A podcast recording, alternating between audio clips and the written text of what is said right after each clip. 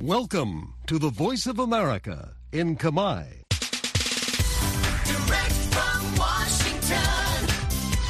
the voice of America, VOA.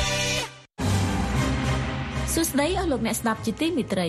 នៅក្នុងកម្មវិធីផ្សាយតាមវិទ្យុរបស់ VOA នៅព្រឹកថ្ងៃអង្គារទី6ខែកុម្ភៈឆ្នាំ2024នេះខ្ញុំហុងចិន្តានិងសហការីក្រុមផ្សាយជាខេមរៈភាសានៃ VOA សូមស្វាគមន៍អស់លោកអ្នកស្ដាប់ពីរដ្ឋធានី Washington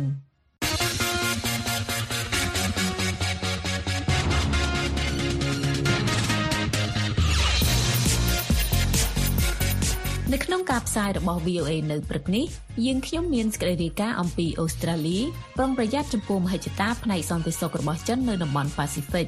មុនការបោះឆ្នោតជាតិក្រមយុវជនបាឡូចមិនសប្បាយចិត្តយ៉ាងខ្លាំងចំពោះគណៈបកនយោបាយ អាញាធរដុតចោលជើងមន់បង្កកជាង100តោនក្រោយរកមិនឃើញម្ចាស់មន្ត្រីសមាគមអាតហុកបដិសេធពាក្យសម្ដីចុះផ្សាយគណៈរងការប្រមានប្តឹងពីលោកហ៊ុនសែននិងស្គ្រីរីកាអំពីការចាប់ខ្លួនសកម្មជនខ្មែរនៅថៃរងការរិះគន់ពីអង្គការសិទ្ធិមនុស្ស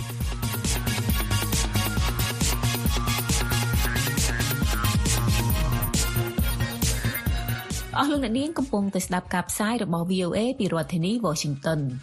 លោក Pat Conroy រដ្ឋមន្ត្រីផ្នែកអភិវឌ្ឍអន្តរជាតិនិងប៉ាស៊ីហ្វិកនៃក្រសួងការពារជាតិអូស្ត្រាលីបានបំពេញទស្សនកិច្ចទៅកាន់ប្រទេសដីកោះណូរ៉ូនៅក្នុងតំបន់ប៉ាស៊ីហ្វិកដើម្បីរឹតចំណងតាក់ទងផ្នែកសន្តិសុខបន្ទាប់ពីប្រទេសនេះបានបង្វែរទំនាក់ទំនងការទូតរបស់ខ្លួនពីតៃវ៉ាន់ទៅរកចិនវិញអូស្ត្រាលីមានក្តីបារម្ភកាន់តែខ្លាំងថាចិនកំពុងព្យាយាមជាថ្មីម្ដងទៀតក្នុងការពង្រីកឥទ្ធិពលសន្តិសុខរបស់ខ្លួននៅក្នុងតំបន់ លោក Conroy ក៏បានបំពេញទស្សនកិច្ចទៅកាន់ប្រទេសទីម៉ូខាងកើតនៅក្នុងតំបន់អាស៊ីអាគ្នេយ៍ផងដែរលោក Phil Mercer រាយការណ៍អំពីរឿងនេះពីទីក្រុង Sydney ប្រទេសអូស្ត្រាលីហើយលោកភីសុភាដាជួនសេចក្តីប្រាសម្រួលដូចតទៅប្រទេសអូស្ត្រាលីចាត់ទុកខ្លួនឯងថាជាអ្នកការពារផ្នែកសេដ្ឋកិច្ចនិងសន្តិសុខសម្រាប់តំបន់ប៉ាស៊ីហ្វិកប៉ុន្តែប្រទេសចិនកំពុងមានមហិច្ឆតាកាន់តែខ្លាំងឡើងនៅក្នុងការបន្តចំណាប់អារម្មណ៍របស់ខ្លួននៅក្នុងតំបន់នេះ កាលពីពេលថ្មីថ្មីនេះលោក Pat Conroy ដែលជារដ្ឋមន្ត្រីផ្នែកអភិវឌ្ឍអន្តរជាតិនិងប៉ាស៊ីហ្វិកនៃក្រសួងការពារជាតិអូស្ត្រាលីនិងដែលជារដ្ឋមន្ត្រីផ្នែកឧស្សាហកម្មការពារជាតិផងដែរនោះបានបំពេញទស្សនកិច្ចទៅកាន់ប្រទេសទីម៉ូខាងកើតនិងប្រទេសនូរុលោកបានលើកឡើងនៅក្នុងសេចក្តីថ្លែងការណ៍មួយថាដំណើរទស្សនកិច្ចនេះធ្វើឡើងដើម្បីពង្រឹងភាពជាដៃគូដ៏ជ្រាលជ្រៅនិងយូរអង្វែងជាមួយដៃគូដ៏ជិតស្និទ្ធទាំងពីរក្នុងចំណោមដៃគូដ៏ជិតស្និទ្ធផ្សេងទៀតរបស់អូស្ត្រាលី កាលពីចុងខែមករាកន្លងទៅនេះលោក Conroy បានសន្យាផ្តល់ជំនួយ23លានដុល្លារដើម្បីជួយពង្រឹងផ្នែកអនុវត្តច្បាប់នៅទីម៉ូខាងកើតដែលធ្លាប់ជាផ្នែកមួយនៃប្រទេសឥណ្ឌូនេស៊ីមុនពេលប្រទេសនេះបានក្លាយជាប្រទេសឯករាជ្យជំនួយនេះនឹងជួយដល់ប៉ូលីសក្នុងប្រទេសនេះឆ្លើយតបទៅនឹងគ្រោះធម្មជាតិនិងប្រយុទ្ធប្រឆាំងនឹងក្រុមអ ுக ្រិតជនកាលពីថ្ងៃទី31ខែមករាលោកខុនរ៉យបានចូលរួមនៅក្នុងការប្រារព្ធទិវាឯករាជ្យជាតិនៃប្រទេសនូរុឆ្នាំ2024 និងបានកោតសរសើរជាថ្មីដល់ទំនាក់ទំនងដ៏ជ្រាលជ្រៅរវាងប្រទេសអូស្ត្រាលីនិងនូរុលោក Dirk van der Klee ដែលជាអ្នកស្រាវជ្រាវជាន់ខ្ពស់នៅមហាវិទ្យាល័យសន្តិសុខជាតិនៃសាកលវិទ្យាល័យជាតិអូស្ត្រាលី បានប្រាប់ VOA ថាអូស្ត្រាលីមានចំណាប់អារម្មណ៍ក្នុងការរក្សាឥទ្ធិពលរបស់ខ្លួននៅក្នុងតំបន់ប៉ាស៊ីហ្វិកលោកថ្លែងដូចនេះថា We're used to being the leading economic and security power within the Pacific region, and that is probably still true, but with another power coming along. អូស្ត្រាលីធ្លាប់ជាតំបន់មហាអំណាចនាំមុខផ្នែកសេដ្ឋកិច្ចនិងសន្តិសុខនៅក្នុងតំបន់ប៉ាស៊ីហ្វិកហើយឥឡូវនេះក៏អាចនៅតែដូចនេះដដែលប៉ុន្តែប្រទេសចិនដែលជាមហាអំណាចមួយទៀតកំពុងចូលមកក្នុងតំបន់នេះដែរដែលជារឿយៗមានចំណាប់អារម្មណ៍ផ្សេងពីចំណាប់អារម្មណ៍របស់អូស្ត្រាលីនៅក្នុងតំបន់នេះដូច្នេះវាគ្មានអ្វីចម្លែកទេដែលអូស្ត្រាលីបារម្ភអំពីបញ្ហានេះ ជាពិសេសនៅពេលនិយាយអំពីកិច្ចព្រមព្រៀងនានាពាក់ព័ន្ធនឹងសន្តិសុខកាលពីដើមខែមករាប្រទេសដីកោះនូរុដែលជាសាធារណរដ្ឋតូចមួយនៅក្នុងតំបន់ប៉ាស៊ីហ្វិកបានចាប់ផ្ដើមបង្កើតទំនាក់ទំនងការទូតផ្លូវការឡើងវិញជាមួយចិនបន្ទាប់ពីបានកាត់ផ្តាច់ទំនាក់ទំនងការទូតជាមួយកោះតៃវ៉ាន់មកប្រទេសប៉ាពូអាស៊ីណូវែលហ្គីណេដែលជាប្រទេសស្ថិតនៅជិតប្រទេសអូស្ត្រាលីជាងគេ បានបញ្ជាក់ថាខ្លួនកំពុងពិភាក្សាជាមួយចិនអំពីកិច្ចព្រមព្រៀងផ្នែកសន្តិសុខនិងការអនុវត្តច្បាប់ កាលពីឆ្នាំ2021ប្រទេសចិនបានចុះហត្ថលេខាលើកិច្ចព្រមព្រៀងមួយជាមួយប្រទេស Solomon Islands ដែលជាប្រទេសប្រជុំកោះមានទីតាំងជាយុទ្ធសាស្ត្រនៅភាគឦសាននៃប្រទេសអូស្ត្រាលីលោក Van der Klee បាននិយាយថាចិនមានមហិច្ឆតាកាន់តែខ្លាំងឡើងនៅក្នុងតំបន់ប៉ាស៊ីហ្វិកលោកលើកឡើងដូចនេះថា You're talking about a handful of countries that are spread a long way out from each other with relatively small populations that are relatively poor. យើងកំពុងនិយាយអំពីប្រទេសមួយចំនួនតូចដែលនៅរាយប៉ាយពីគ្នាតែមានចំនួនប្រជាជនតិចនិងជាប្រទេសក្រីក្រចិនកំពុងព្យាយាមបង្កើនឥទ្ធិពលរបស់ខ្លួននៅក្នុងតំបន់នេះដើម្បីបង្កើតនៅរបៀបរៀបរយពិភពលោកហើយប្រហែលជាមានរឿង3ពាក់ព័ន្ធនឹងករណីនេះទីមួយគឺពាក់ព័ន្ធនឹងតៃវ៉ាន់នៅពេលយើងនិយាយអំពីតំបន់តំបន់ប៉ាស៊ីហ្វិកគឺជាតំបន់មួយក្នុងចំណោមតំបន់2 3នៅលើពិភពលោកដែលនៅមានប្រទេសខ្លះ ទទួលស្គាល់តៃវ៉ាន់ជាជាងចិននៅអង្គការសហប្រជាជាតិនិងអង្គការអន្តរជាតិនានាលោកវ៉ាន់ដេគ្លីបានបន្ថែមថាប្រទេសដីកោះនានានៅតំបន់ប៉ាស៊ីហ្វិកក៏អាចគ្រប់គ្រងចិននៅក្នុងវេទិកាអន្តរជាតិផ្សេងផ្សេងរួមទាំងនៅអង្គការសហប្រជាជាតិក៏ដូចជាគ្រប់គ្រងចិននៅក្នុងការប្រគល់ប្រជែងជាមួយសហរដ្ឋអាមេរិកដើម្បីជាឥទ្ធិពលនៅលើពិភពលោកផងដែរអូស្ត្រាលីបានស្វែងរកវិធីដើម្បីធ្វើឲ្យមានប្រសិទ្ធភាពនៅទំនាក់ទំនងជាមួយចិន ដែលជាដៃគូពាណិជ្ជកម្មដ៏ធំបំផុតរបស់ខ្លួនបន្ទាប់ពីរដ្ឋាភិបាលអូស្ត្រាលីដែលមានទំនោរឆ្វេងនិយមបានឡើងកាន់អំណាចនៅក្រោយការបោះឆ្នោតកាលពីខែឧសភាឆ្នាំ2022មកទំនាក់ទំនងរវាងអូស្ត្រាលីនិងចិនបានធ្លាក់ចុះដោយសារចំនួនតាក់ទិននឹងប្រភពដើមនៃជំងឺ Covid-19 ចំនួនភូមិសាស្ត្រនយោបាយនិងចំនួនពាណិជ្ជកម្មទោះជាយ៉ាងណាក៏ដោយនាយករដ្ឋមន្ត្រីអូស្ត្រាលីលោក Anthony Albanese បានសង្កត់ធ្ងន់ថា ប្រទេសទាំងពីរនឹងនៅតែមិនចុះសម្រុងជាមួយគ្នាលើបញ្ហាជាក់លាក់មួយចំនួនអ្នកវិភាគនានាបានព្យាករណ៍ថាការប្រកួតប្រជែងដើម្បីឥទ្ធិពលនៅក្នុងតំបន់ប៉ាស៊ីហ្វិករវាងចិននិងអូស្ត្រាលីនឹងកាន់តែខ្លាំងជាងមុនពីរដ្ឋធានី Washington ខ្ញុំ P សុភាដា VOA ពីរដ្ឋធានី Washington សំលេងហៅ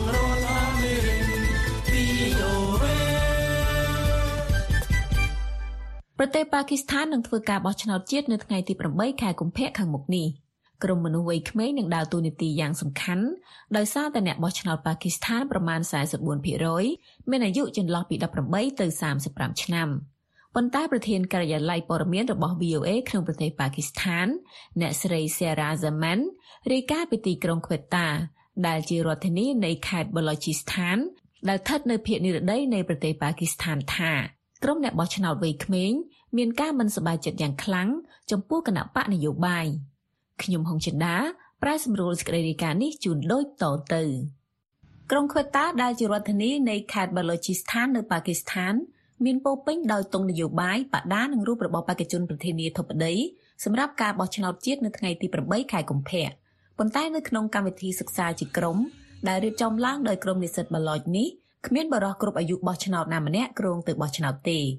លោក Abdul Latif Baloch ដែលជានិស្សិតសាកលវិទ្យាល័យម្នាក់ថ្លែងថា हमारे political parties fail हुए हैं बिल्कुल एक्सपोज हो चुके हैं आ, គណៈបកនយោបាយរបស់យើងបរាជ័យហើយពួកគេត្រូវបានលាតត្រដាងពួកគេបរាជ័យក្នុងការផ្តល់ការអប់រំហេដ្ឋារចនាសម្ព័ន្ធសុខភាពនិងអ្វីអ្វីៗគ្រប់យ៉ាង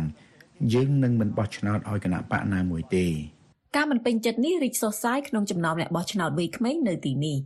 បាឡូជីស្ថានគឺជាខេត្តដែលមានដីធំបំផុតនៅប៉ាគីស្ថាន តែមានប្រជាជនតែ6%នៃប្រជាជនសរុបប៉ុណ្ណោះខេត្តនេះមានធនធានធម្មជាតិច្រើន តែមានការអភិវឌ្ឍតិចខ្លាំងជាងខេត្ត3ទៀតថវិកាចិនដ៏ច្រើនក្នុងទសវត្សរ៍ចុងក្រោយនេះមិនបានជួយសេដ្ឋកិច្ចក្នុងស្រុកទេក្រុមឧទាមផ្ដាច់ខ្លួនដែលកាន់កាប់ខេត្តនេះជិត20ឆ្នាំប្រឆាំងខ្លាំងនឹងគម្រោងអភិវឌ្ឍប្រទេស និស្សិតថាបញ្ហាធំបំផុតនៅក្នុងខេត្តដែលមានយោធាយ៉ាងច្រើននេះគឺការបាត់ខ្លួនដោយបង្ខំនិងការសម្លាប់ក្រៅប្រព័ន្ធតុលាការលោក Ahmed Baloch ដែលជានិស្សិតសាកលវិទ្យាល័យម្នាក់ទៀតថ្លែងថា Right to live អាមីយេនីមិលរយើងគ្មានទាំងសិទ្ធិរស់នៅផងធ្វើម៉េចឲ្យយើងអាចមានសិទ្ធិផ្សេងទៀតចលនាថ្មីមួយដែលទាមទារឲ្យរដ្ឋស្វែងរកអ្នកបាត់ខ្លួនទទួលបានការគ្រប់គ្រងខ្លាំងអ្នកស្រី Marang Baloch ដែលដឹកនាំការតវ៉ាទូទាំងប្រទេសទៅទីក្រុងអ៊ីស្លាមាបាតកាលពីខែធ្នូទទួលបានការស្វាគមន៍ជាវីរនារីក្រោយត្រឡប់ទៅក្រុងខ្វេតាវិញគណៈកម្មាធិការរួបរวมបាឡុចរបស់អ្នកស្រីបានបដិញ្ញាថានឹងមិនពាក់ព័ន្ធនឹងនយោបាយនៅសភាទេអ្នកស្រីថ្លែងថាមានការគៀបសង្កត់នៅតំបន់ដាច់ស្រយាលដែលប្រជាជនមិនដឹងពីសិទ្ធិរបស់ខ្លួន យើងចង់ទៅទីនោះដើម្បីជួបនិងបង្រៀនពួកគេដើម្បីឲ្យពួកគេចេះតស៊ូដើម្បីសិទ្ធិខ្លួនបានប៉ុន្តែរដ្ឋនិងសភាជាអ្នកត្រូវផ្ដល់សិទ្ធិចលនារបស់យើងចង់បង្ខំឲ្យពួកគេធ្វើការងាររបស់ខ្លួនក្រុមអ្នកវិភាគថាចំនួនប្រជាជនតិចធ្វើឲ្យខេត្តនេះមិនសូវទទួលបានការយកចិត្តទុកដាក់ពីសភាហើយជារឿយៗមិនត្រូវបានគិតគូរក្នុងពេលបង្កើតគោលនយោបាយទេលោកមូហាម៉ាត់អារីហ្វជាអ្នកវិភាគថ្លែងថា यही वजह है कि जो मेन स्ट्रीम पार्टीज हैं वो सिर्फ पंजाब और सिंध जो पॉपुलर នេះគឺជាមូលហេតុដែលគណៈបកធំធំផ្ដោតតែលើតំបន់ភុនចាបនិងសិនដែលមានប្រជាជនច្រើននិងមានអាសនៈច្រើនអ្នកនយោបាយក្នុងខេត្តនេះបង្កើតសម្ព័ន្ធភាពជាមួយនឹងអ្នកដែលបង្កើតរដ្ឋាភិបាលនៅថ្នាក់សហព័ន្ធនិងនៅពុនចាបក្រុមនិស្សិតបាឡុចគ្រប់គ្រងក្រុមមេដឹកនាំជាតិនិយមបាឡុចសម្រាប់តំណែងនៅថ្នាក់សភា លោក Jacob Ballot នៃក្រុមនិស្សិត Ballot ថ្លែងថាប្រព័ន្ធនេះមិនល្អឥតខ្ចោះទេជាពិសេសសម្រាប់ជននំបូ Ballot តែយើងមិនគួរមិនអើពើទាល់តែសោះនោះទេមនុស្សជាច្រើនបារម្ភថាអ្នកបោះឆ្នោតវ័យក្មេងនៅខេត្តនេះបាត់ជំនឿលើប្រជាធិបតេយ្យពួកគេថាវាមិនមែនអាក្រក់សម្រាប់អ្នកនយោបាយទេ គឺអាក្រក់សម្រាប់រដ្ឋនេះតែម្ដងពីរដ្ឋធានី Washington ខ្ញុំហងចិន្តា VOA thank you លោកអ្នកនាងកំពុងតែស្ដាប់កម្មវិធីផ្សាយជាខេមរៈភាសានៃ VOA ប្រភពព័ត៌មានជាទីទុកចិត្តតាំងពីឆ្នាំ1955កាលពីថ្ងៃអាទិត្យជើងមាត់បង្កកទម្ងន់ជាង100តោនដែលដឹកចេញពីប្រទេសវៀតណាមចូលមកច្រកព្រំដែនកម្ពុជាបាវិតត្រូវបានដុតកំទេចចោលអញ្ញាធរអះអាងថាការដឹកជើងមាន់នេះចូលមកកម្ពុជាមិនមានឯកសារនាំចូលត្រឹមត្រូវហើយអញ្ញាធររកមិនឃើញម្ចាស់ ប៉ុន្តែអាញាធមមិនអាចបញ្ជាក់ថាតើហេតុអ្វីបានជាជើងមន់ទាំងនោះត្រូវអាចដឹកឆ្លងចូលទឹកដីកម្ពុជា តាមច្រកព្រំដែនបាវិតនោះទេកញ្ញាមាសដារីកាឲ្យ VOA ពីរាជធានីភ្នំពេញដូចតទៅ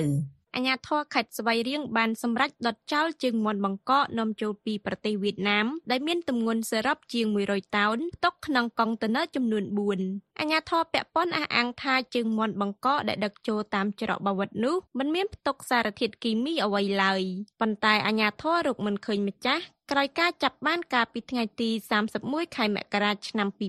2024លោកសុសុធាវុឌ្ឍប្រធានមន្ទីរកសិកម្មរុក្ខាប្រមាញ់និងនេសាទខេត្តស្វាយរៀងប្រាប់ VOA នៅថ្ងៃច័ន្ទនេះថាសមត្ថកិច្ចសម្រេចដុតចោលដោយសារតែការដឹកជញ្ជូននោះមិនមានឯកសារច្បាប់ត្រឹមត្រូវហើយអាជ្ញាធររកម្ចាស់មិនឃើញ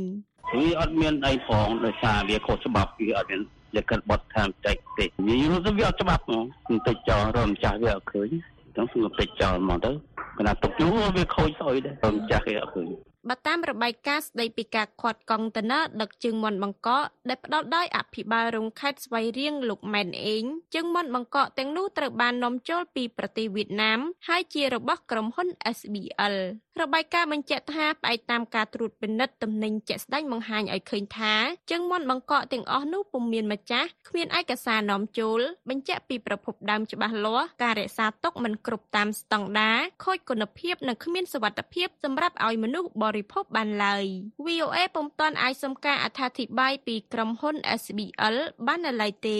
លោកម៉ែនអេងអភិបាលរងខេត្តស្វាយរៀងនិងជាអ្នកនាំពាក្យ ប្រាប់ VOA ជាអសរតាមប្រព័ន្ធទំនាក់ទំនង Telegram ថាសមត្ថកិច្ចកំពុងស្រាវជ្រាវបន្ថែមចំណែកអ្នកបើកបរកុងតឺន័រដឹកជើងមាន់បង្កកទាំង4នាក់ត្រូវបានតុលាការនាំទៅសាកសួរ VOA ពុំទាន់អាចសុំការអត្ថាធិប្បាយពីអ្នកនាំពាក្យអគ្គនាយកដ្ឋានគយនិងរដ្ឋកោកម្ពុជា លោកសៃសុខូននិងលោកផាន់អូន ប្រតិភូរដ្ឋាភិបាលកម្ពុជាទទួលបន្ទុកជាអគ្គនាយកនៃអគ្គនាយកដ្ឋានការពារអ្នកប្រើប្រាស់កិច្ចការប្រកួតប្រជែងនិងការបង្ក្រាបការក្លែងបន្លំបាននៅឡើយទេគូបញ្ជាក់ថាការនាំចូលសាច់បង្កកពីក្រៅប្រទេសកំពុងបង្កក្តីព្រួយបារម្ភខ្លាំងសម្រាប់អ្នកចិញ្ចឹមសត្វនៅកម្ពុជាដោយអ្នកចិញ្ចឹមសត្វនៅក្នុងស្រុកស្នើទៅស្ថាប័នពាក់ព័ន្ធឲ្យរឹតបន្តឹងការនាំចូលសាច់បង្កកឲ្យបានតឹងរឹងកាលពីខែមករាឆ្នាំ2024រដ្ឋាភិបាលកម្ពុជាបានសម្រេចឲ្យផ្អាកការនាំចូលគ្រឿងខ្នងនិងបំណែកសាច់បង្កក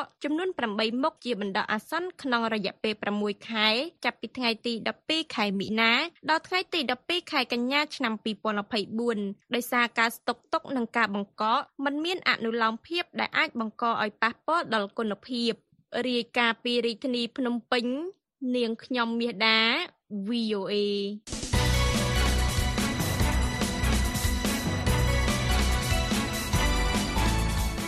ប្រិយមិត្ត VOA ជាទីមេត្រី VOA ខេមរៈភាសាទើបបានបង្កើតទំព័ររបស់ខ្លួននៅលើបណ្ដាញសង្គម Telegram ដែលនាំមកជូនលោកអ្នកនៅព័ត៌មានសំខាន់សំខាន់និងថ្មីថ្មីបំផុត អំពីប្រទេសកម្ពុជា អំពីសហរដ្ឋអាមេរិកនិងព័ត៌មានអន្តរជាតិនានាក្នុងពិភពលោកសូមលោកអ្នកចូលទៅកាន់អាស័យដ្ឋាន t.me/voa ខ្មែររួចចុចពាក្យ join ក្រោយមានការប្រមានប្តឹងពីអតីតនាយករដ្ឋមន្ត្រីលោកហ៊ុនសែនពាក់ព័ន្ធនឹងពាក្យសម្ដីដែលត្រូវបានដកស្រង់នៅក្នុងអត្ថបទសារព័ត៌មានអ្នកនាំពាក្យសមាគមការពារសិទ្ធិមនុស្សអាត6លោកសឹងសែនករណាបានលើកឡើងថាលោកមិនបាននិយាយចំចំជាការប្រមាថគណៈបកណាមួយឡើយលោកស្នើឲ្យពិនិត្យមើលសម្ដីដើមរបស់លោកប្រសិនបើមានការប្តឹងផ្តល់ណាមួយពីសំណាក់លោកហ៊ុនសែនលោកហាណូយរាយការណ៍ឲ្យ VOA ពីរាជធានីភ្នំពេញដូចតទៅ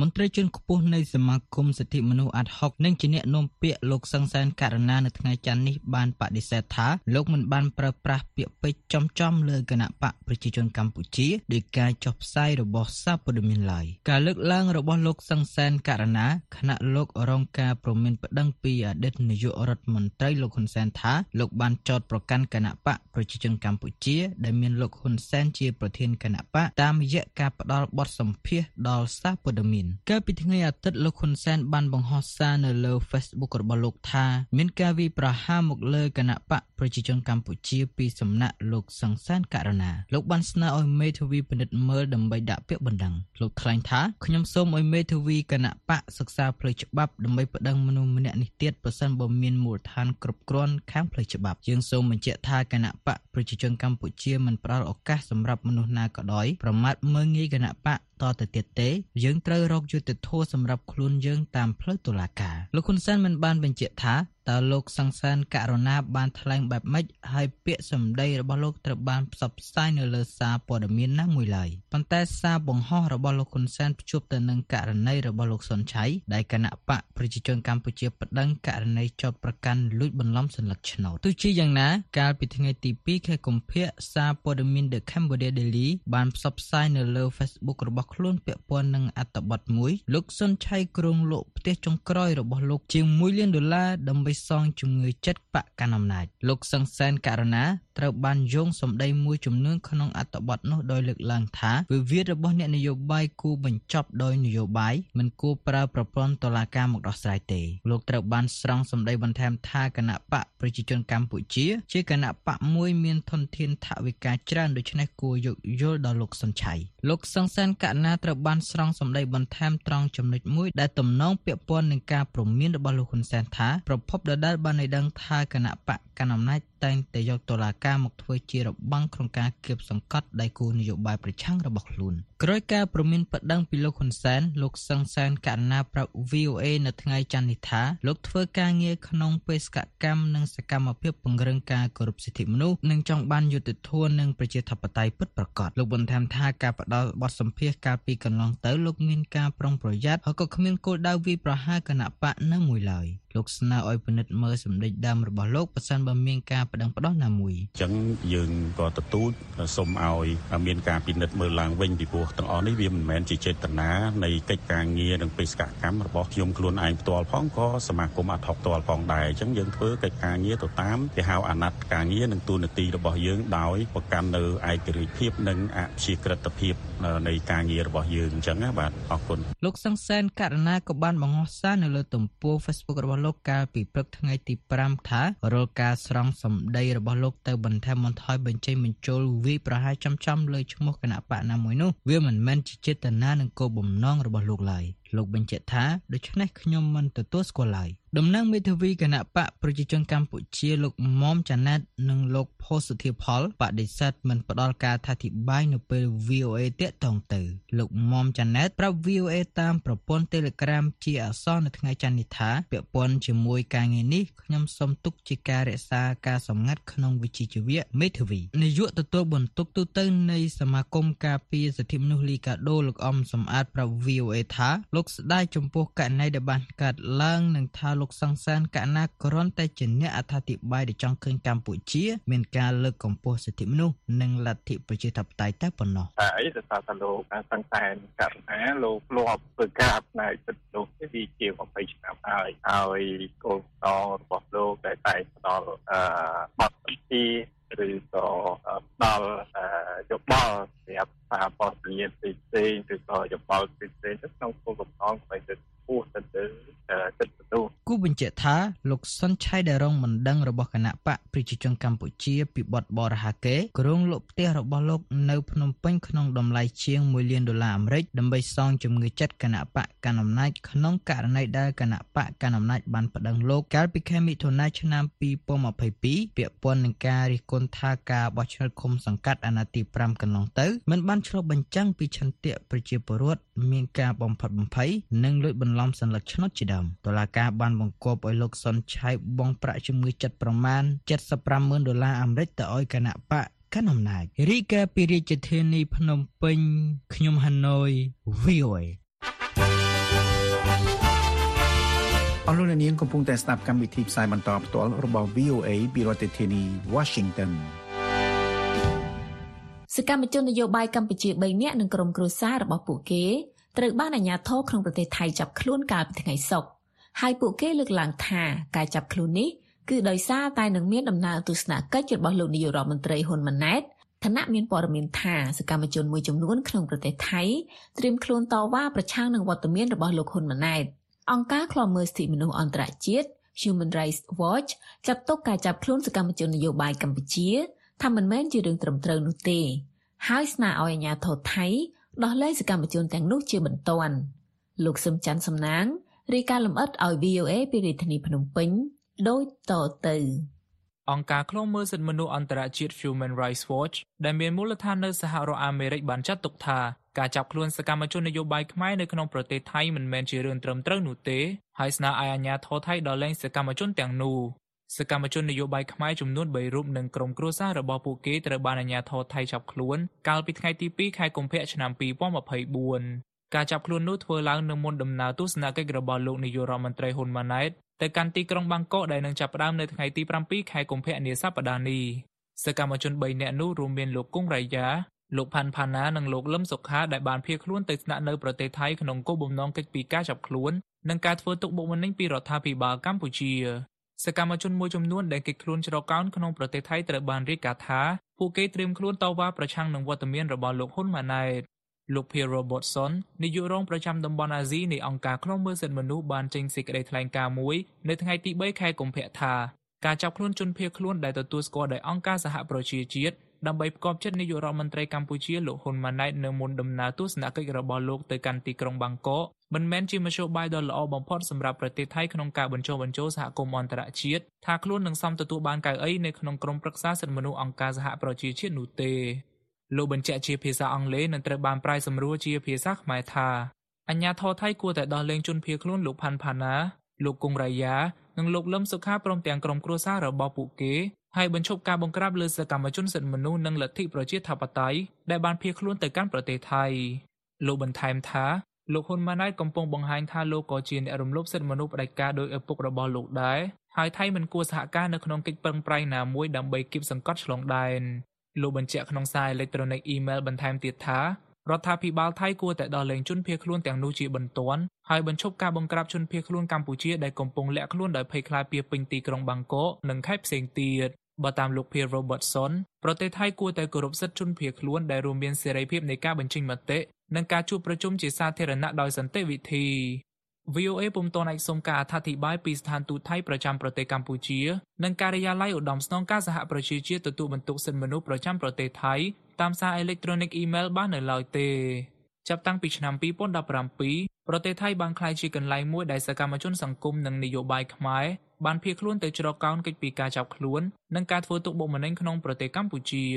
លោកគង់រ៉ាយ៉ាអតីតសកម្មជនរបស់គណៈបកភ្លើងទៀនដែលគេចខ្លួនទៅនៅប្រទេសថៃកាលពីខែកក្កដាឆ្នាំមុនបានប្រាប់ VOA មុននឹងអាជ្ញាធរថៃដកហូតទូរស័ព្ទកាលពីថ្ងៃសៅរ៍ថាលោកនិងភរិយាដែលមានកូន2នាក់ត្រូវបានអាជ្ញាធរថៃយកទៅដាក់នៅមន្ទីរឃុំឃាំងជនអន្តោប្រវេសន៍ ហើយពិន័យជាប្រាក់ចំនួន7000បាតដោយសារតែការស្នាក់នៅហួសកំណត់ក្នុងប្រទេសថៃលោកនិងក្រុមគ្រួសារដែលមានកូនស្រីអាយុ5ឆ្នាំនិងកូនប្រុសអាយុ1ឆ្នាំត្រូវបានចាប់ខ្លួនកាលពីថ្ងៃទី2ខែកុម្ភៈវេលាម៉ោងប្រមាណ4រសៀល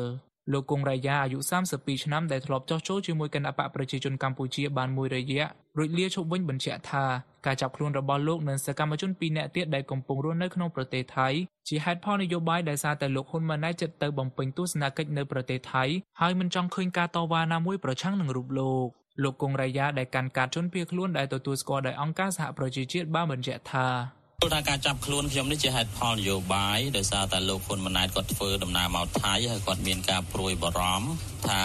ក្រុមជនភៀសខ្លួននៅប្រទេសថៃរួមទាំងពលករផងនិងប្រមូលផ្ដុំគ្នាធ្វើបាតកម្មប្រឆាំងវត្តមានគាត់នៅប្រទេសថៃហ្នឹងដូច្នេះក៏ខ្លាចបាក់មុខទៅស្នើឲ្យខាងអាជ្ញាធរថៃធ្វើការរដ្ឋបិទសម្លេងរបស់គណៈបកប្រឆាំងនៅប្រទេសថៃហ្នឹង លោកគង់រាយាដែលធ្លាប់ជាប់ពន្ធនាគារក្នុងប្រទេសកម្ពុជាបានចាក់ចេញពីប្រទេសកំណើតកាលពីថ្ងៃទី9ខែកក្កដាឆ្នាំ2023នៅពេលលោកបានលាឈប់ពីសមាជិកគណៈបកប្រជាជនកម្ពុជាលោកបានសម្រេចចិត្តទៅប្រទេសថៃដើម្បីស្វែងរកសិទ្ធិជ្រកកោននយោបាយដោយសារតែបារម្ភអំពីការធ្វើទុកបុកម្នេញក្នុងប្រទេសកម្ពុជាលោកប្រាប់ VOA ថាលោកកំពុងព្រួយបារម្ភអំពីការបញ្ជូនខ្លួនមកប្រទេសកម្ពុជាវិញ ខ្ញុំព្រួយបារម្ភពីសវត្ថិភាពខ្លួនឯងកូនកូនហើយនឹងប្រពន្ធមែនតើគឺព្រួយបារម្ភខ្លាចអាញាធរថៃបញ្ជូនរូបខ្ញុំទៅប្រទេសកម្ពុជាវិញដែរនឹងអាចជាប់ពន្ធនាគារឬក៏មានបញ្ហាធ្ងន់ធ្ងរជាងនេះលោកខមមនីកុសលប្រធានគណៈកម្មការសម្របសម្រួលជនភៀសខ្លួននៅប្រទេសថៃប្រាប់ VOA ថាអ្នកដែលត្រូវបានចាប់ខ្លួនទាំងនោះត្រូវបានអាជ្ញាធរថៃបំបីកន្លែងឃុំខ្លួនមិនឲ្យនៅជុំគ្នានោះទេដែលភរិយានិងកូនរបស់ពួកគេក៏ត្រូវបានបំបីទៅឃុំនៅកន្លែងផ្សេងគ្នាផងដែរ លោកបន្តថាមន្ត្រីស្ថានទូតខ្មែរប្រចាំប្រទេសថៃបានសហការជាមួយអាជ្ញាធរថៃក្នុងការស្វែងរកសកម្មជនដទៃទៀតដែលមាននៅក្នុងរូបថតពេលចូលរួមក្នុងកម្មវិធីជួបជុំមួយកាលពីដើមខែធ្នូ នៅពេលនេះគឺមន្ត្រីស្ថានទូតខ្មែរជាមួយនឹងប៉ូលីសមូលដ្ឋានរបស់ថៃនៅតែបន្តស្វែងរកមនុស្សដែលមាននៅក្នុងរូបថតដែលគេចោទប្រកាន់អំពីព្រឹត្តិការណ៍នៃការរៀបចំការជួបជុំគ្នាមួយរបស់យុវជនយើងកាលពីថ្ងៃទី2ខែធ្នូឆ្នាំ2023កន្លងទៅនេះហើយគេយករូបថតទាំងអស់ហ្នឹងនៅតែតាមប្រមាញ់រកមនុស្សដែលមាននៅក្នុងរូបថតហ្នឹងដដែលបាទហើយមិនដកថយទេដោយតែអ្វីដែលដែលខ្ញុំបានជម្រាបជូនអញ្ចឹងគេដើរសួររកគ្រប់កន្លែងកាលពីចុងខែធ្នូឆ្នាំ2023សកម្មជនសង្គមនិងនយោបាយខ្មែរចំនួន7នាក់ដែលជ្រកកោននៅប្រទេសថៃត្រូវបានអាជ្ញាធរថៃចាប់ខ្លួននិងឃុំខ្លួនបើទោះបីពួកគេមានបានស្នាក់នៅបណ្ដោះអាសន្នក្នុងនាមជាជនភៀសខ្លួនដែលចេញដោយឧត្តមស្នងការសហប្រជាជាតិទទួលបន្ទុកសិទ្ធិមនុស្សក៏ដោយអ្នកនាំពាក្យរដ្ឋាភិបាលលោកប៉ែនបូណាលើកឡើងថា ការដែលទៅរស់នៅក្នុងប្រទេសដទៃឬបានប្រព្រឹត្តសកម្មភាពណាមួយខុសក្នុងប្រទេសដទៃទៀតនោះនឹងត្រូវអាជ្ញាធរក្នុងប្រទេសនោះចាត់វិធានការតាមផ្លូវច្បាប់លោកបន្តទៀតថាការចោទប្រកាន់របស់សកម្មជនដែលភៀសខ្លួនថារដ្ឋាភិបាលបានធ្វើទុកបុកម្នេញគ្រាន់ជាលេសមួយក្នុងការដែលពួកគេអាចទៅរស់នៅប្រទេសទី3បានលោកប៉ែបូណាមិនបានបញ្ជាក់ថាតើរដ្ឋាភិបាលកម្ពុជាបានស្នើរដ្ឋាភិបាលថៃឲ្យជួយពិនិត្យមើលនិងចាប់ខ្លួនសកម្មជនខ្មែរដែលរស់នៅក្នុងប្រទេសថៃឬយ៉ាងណាឡើយ។ នាយករដ្ឋមន្ត្រីកម្ពុជាលោកហ៊ុនម៉ាណែតនឹងទៅបំពេញទស្សនកិច្ចផ្លូវការនៅប្រទេសថៃនាថ្ងៃទី7ខែកុម្ភៈដើម្បីពង្រឹងបន្ថែមនៅទំនាក់ទំនងដ៏យូរអង្វែងនិងចំណងមិត្តភាពជាប្រពៃណីរបស់ប្រទេសទាំងពីរស្របតាមស្មារតីនៃការពង្រឹងភាពជាដៃគូដើម្បីសន្តិភាពនិងវិបុលភាពដែលផ្ដល់ផលប្រយោជន៍ព្រមទាំងសម្រាប់សន្តិភាពស្ថិរភាព និងវិបុលភាពទៅវិញទៅមកសម្រាប់ប្រជាជននៃប្រទេសទាំងពីរក្នុងសហគមន៍អាស៊ាន និងអន្តរជាតិនេះបើតាមសេចក្តីប្រកាសព័ត៌មានរបស់ក្រសួងការបរទេសកម្ពុជាចេញផ្សាយនៅថ្ងៃច័ន្ទនេះរាយការណ៍ប្រជាធានីភ្នំពេញខ្ញុំសំច័ន្ទសំណាង VOA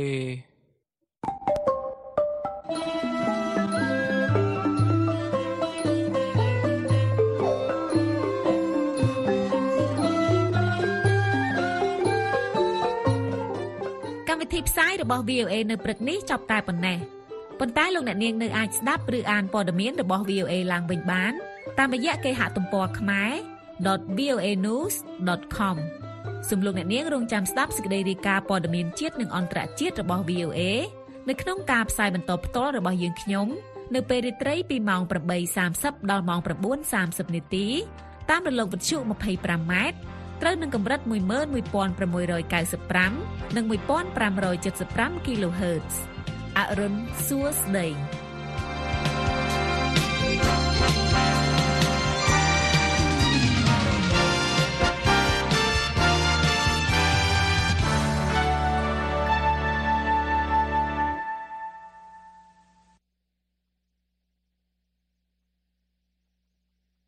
This program has come to you from the Voice of America, Washington.